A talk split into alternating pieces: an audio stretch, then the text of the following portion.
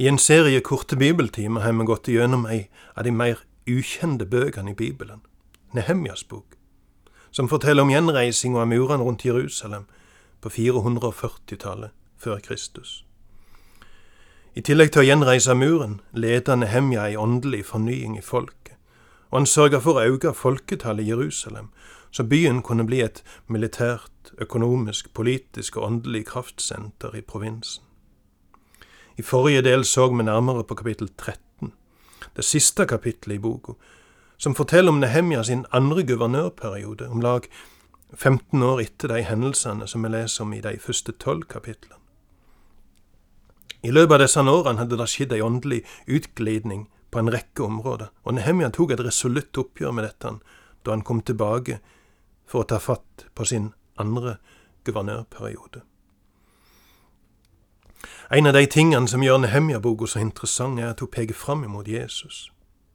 Det handler særlig om de personlige parallellene vi kan se mellom Nehemja og Jesus. Du ser det i den tjenende holdninga som Nehemja har. Han hadde ei skyhøy stilling i Perserriket, men framgangen gjorde ikke at han glemte folket sitt. De lå han tungt på hjertet. Han spør etter hvordan det går med dem. Og når han får vite om den nøden som rår i Jerusalem, så driver det han inn i bønn og faste for dem. Han identifiserer seg med folket sitt. Han bekjenner synden og sviket deres som, som si synd og sitt svik. Han er villig til å forlate heimen og den komfortable stillinga si ved hoffet i Persia, og stige flere hakk nedover på rangstien for å reise til Jerusalem og hjelpe folket sitt. Han kom til Jerusalem ikke for å bli tjent, men for sjøl å tjene. Han var en leder som ikke bare avsto ifra den lønna han hadde rett på, men som auste ut av sine oppsparte og arva midler til folkets beste. Han er et fantastisk forbilde. Men det han gjør, sprenger rammen for det en kan vente av en leder, og det peker fram imot Jesus. Han som kom ifra en posisjon enda høyere enn Nehemja sin, og steg enda mye lenger ned enn han. Han som ikke bare gav tida og kreftene og pengene sine, men som ga livet sitt. Han som ikke bare identifiserte seg med et syndig folk, men som tok all deres synd og skyld på seg. Den første gangen Nehemja kom til Jerusalem, ser vi hvordan han inviterer folk med seg i det store arbeidet. Han inspirerer, og han oppmuntrer, han engasjerer og han organiserer. Han viser hvordan Gud har lagt ting til rette, han viser hvordan det verket han vil i gang med, er fundamentert i løfta i Bibelen. Og med sitt gode eksempel og sin omtanke for medarbeiderne sine, og sin urokkelige trygghet på sitt mandat, står Nehemja der og får folk med seg. Han skaper engasjement, og han skaper trygghet. Det samme ser vi hos Jesus. Med sitt rene liv og sin kjærlighet til sannheten, og med sitt store hjerte, vant Jesus seg trufaste og hengivne etterfølgere. Han engasjerer og han motiverer, han inspirerer og han delegerer. Han ser og han verdsetter medarbeiderne sine. Han er sjøl det ultimate forbildet, den som viser vei og går lenger enn det han ber etterfølgerne sine om å gjøre. I Nehemja-boka ser vi hvordan Nehemja stender som en bauta imot all motstand. For det at han kjente sin bibel så godt, lukkes ikke de falske profetene når de prøvde å lokke han til å handle på tvers av Guds ord. Han gjennomskua de. Og for det at han ikke søkte status og ære, beit ikke hån og spott på han og han lot seg ikke blende av invitasjoner ifra mektige menn i naboprovinsene. Og fordi at han ikke var opptatt av komfort og sin egen trygghet, let han seg ikke rokke av trusler. Og fordi han var så trygg på sitt kongelige mandat og trygg på å stå midt i Guds plan, let han seg ikke stoppe av motstand ifra mennesker.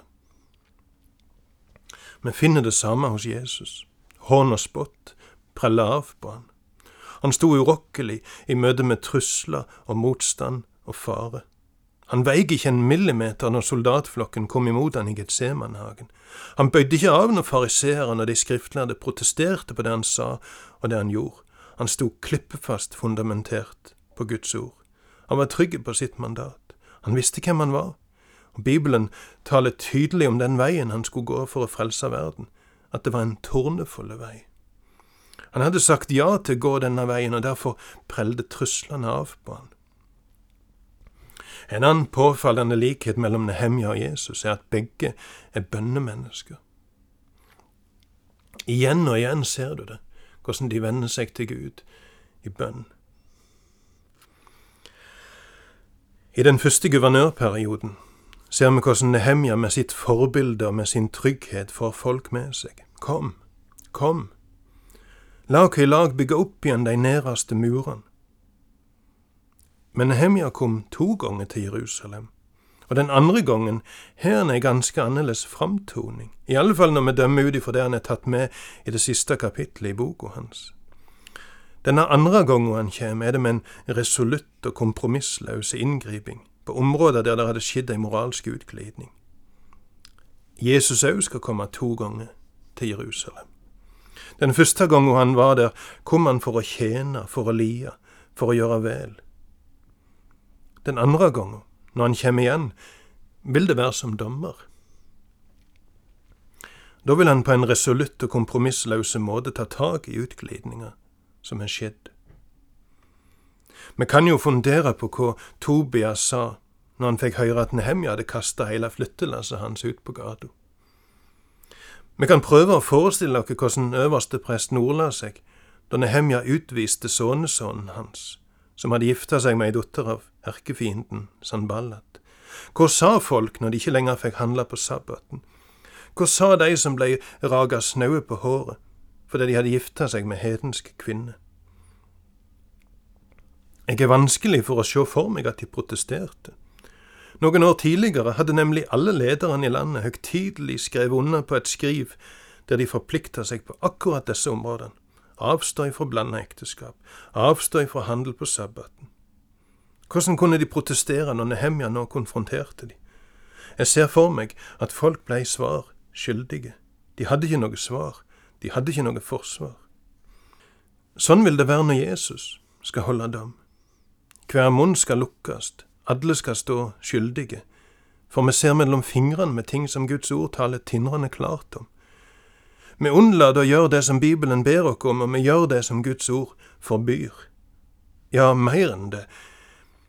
Mennesket glorifiserer synd og fordømmer budene. En går på tvers av løfter som vi sjøl har forplikta oss på. Alle skal stå med lukka munn når Jesus kommer igjen og skal holde dom. Nehemja-boka peker fram imot Jesus på en annen måte òg, på en indirekte måte. Dette henger i hop med en profeti hos Daniel, som levde og virka ca. 100 år før Nehemja. Daniel hadde lest hva Gud hadde sagt gjennom profeten Jeremia, at israelsfolket sitt fangenskap i Babel skulle vare i 70 år. Når Daniel rekna etter, så han at disse 70 årene snart var til ende, og han ba inntrengende til Gud at han ville oppfylle løftet sitt og føre folket hjem igjen. Engelen Gabriel ble sendt med et kryptisk budskap til Daniel. Vi kan lese om dette i Daniel kapittel 9. Engelen Gabriel sier noe om store ting som skal skje etter et tidsforløp på 70 uker. De lærde er stort sett enige om at disse vekene ikke perioder på sju dager, men perioder på sju år. Det hebraiske ordet betyr nemlig periode på sju. Det kan være dag, det kan være år. Det er uenighet om hvordan en skal rekne dette tidsforløpet, men to ting ser ut til å være ganske klart, nemlig når denne perioden starter, og hva det munner ut i. La oss lese Daniel, kapittel 9, vers 24 26. 70 uker er bestemt for ditt folk og din hellige by, til å bringe ondskapen til ende, til å gjøre slutt på synden, til å sone skylden og føre fram en evig rettferd, til å stadfeste det profetene så, og salve det aller helligste. Du skal vite og forstå. Fra ordet gikk ut om at Jerusalem skal gjenreises og bygges opp igjen, og til det kommer en som er salvet, en fyrste, skal det gå sju uker, og i 62 uker skal byen stå gjenreist og gjenoppbygd med gater og vollgraver. Men det skal være en tid full av trengsler. Etter de 62 ukene skal den salvede ryddes av veien og bli borte. Byen og helligdommen skal legges øde av hæren til en fyrste som kommer.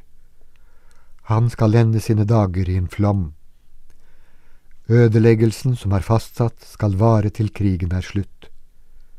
Her leser vi at det da går ut et ord, et eh, bud, ei befaling om å gjenreise Jerusalem. Det er to meninger om hva slags bud det her er snakk om. Enten dreier det seg om da kong Artaserkses sendte Esra til Jerusalem i 458 før Kristus. Eller så handler det om da den samme kongen sendte Nehemja til Jerusalem i 444 eller 445 før Kristus. En av disse to hendelsene førte til at Guds klokke startet å tikke, og telte ned imot store og overveldende ting som skulle skje. Føre vondskapen til ende, gjøre slutt på synda, sone skylda, føre fram ei evig rettferd, stadfeste det profetene så og salve det aller helligste. Dette er enorme løfter, og det som er sagt her, tar på kornet det som Jesus gjorde da han døde på Golgata. Det han gjorde da, var nettopp å bringe vondskapen til ende, gjøre slutt på synda, sone skylda, føre fram en evig rettferdighet, stadfeste det som profetene så og salva et nytt, aller helligste. Profetien er kryptiske, men likevel klare nok til at vi ser at han peker fram imot Jesus, og at de 69 første vegen starta da kong Artaserkses i Persia ga tillatelse til gjenreising av Jerusalem. I vers 26 sier denne profetien at den salva skal ryddes av veien, og at byen og helligdommen deretter skal legges i ruiner. Dette verset er veldig viktig, for det gir oss en ganske nøyaktig tidfesting av når Messias, den salva, skulle komme. Han skulle ryddes av veien, leser vi, og så skal byen og helligdommen, altså Jerusalem og tempelet der, legges i ruiner. Dette siste skjedde i år 70 etter Kristus, da romerne inntok Jerusalem, brente tempelet, ødela byen og bortførte folket. Vi kan forstå at de jødene som avviser Jesus som Messias, har problemer med akkurat denne profetien. For ifølge Daniel 9, 26 måtte Messias komme før år 70. Hvem var han da, den salva som blei rydda av veien i tida før år 70? Vi veit hvem han var. Og vi veit ikke bare at han kom, og at han blei rydda av veien. Vi veit òg at han oppfylte til punkt og prikke de løftene som Gud ga Daniel gjennom engelen Gabriel. Han har gjort slutt på synda. Han har sona skulda. Han har ført fram en evig rettferdighet. Han har stadfesta det som profetene så. Og vi veit at han skal komme igjen. For noen vil han komme til frelse. For andre vil han komme igjen til dom. Han har sagt dere dette på forhånd, sånn at vi kan være klar når han kjem, og helse han som frelser og ikke som dommer.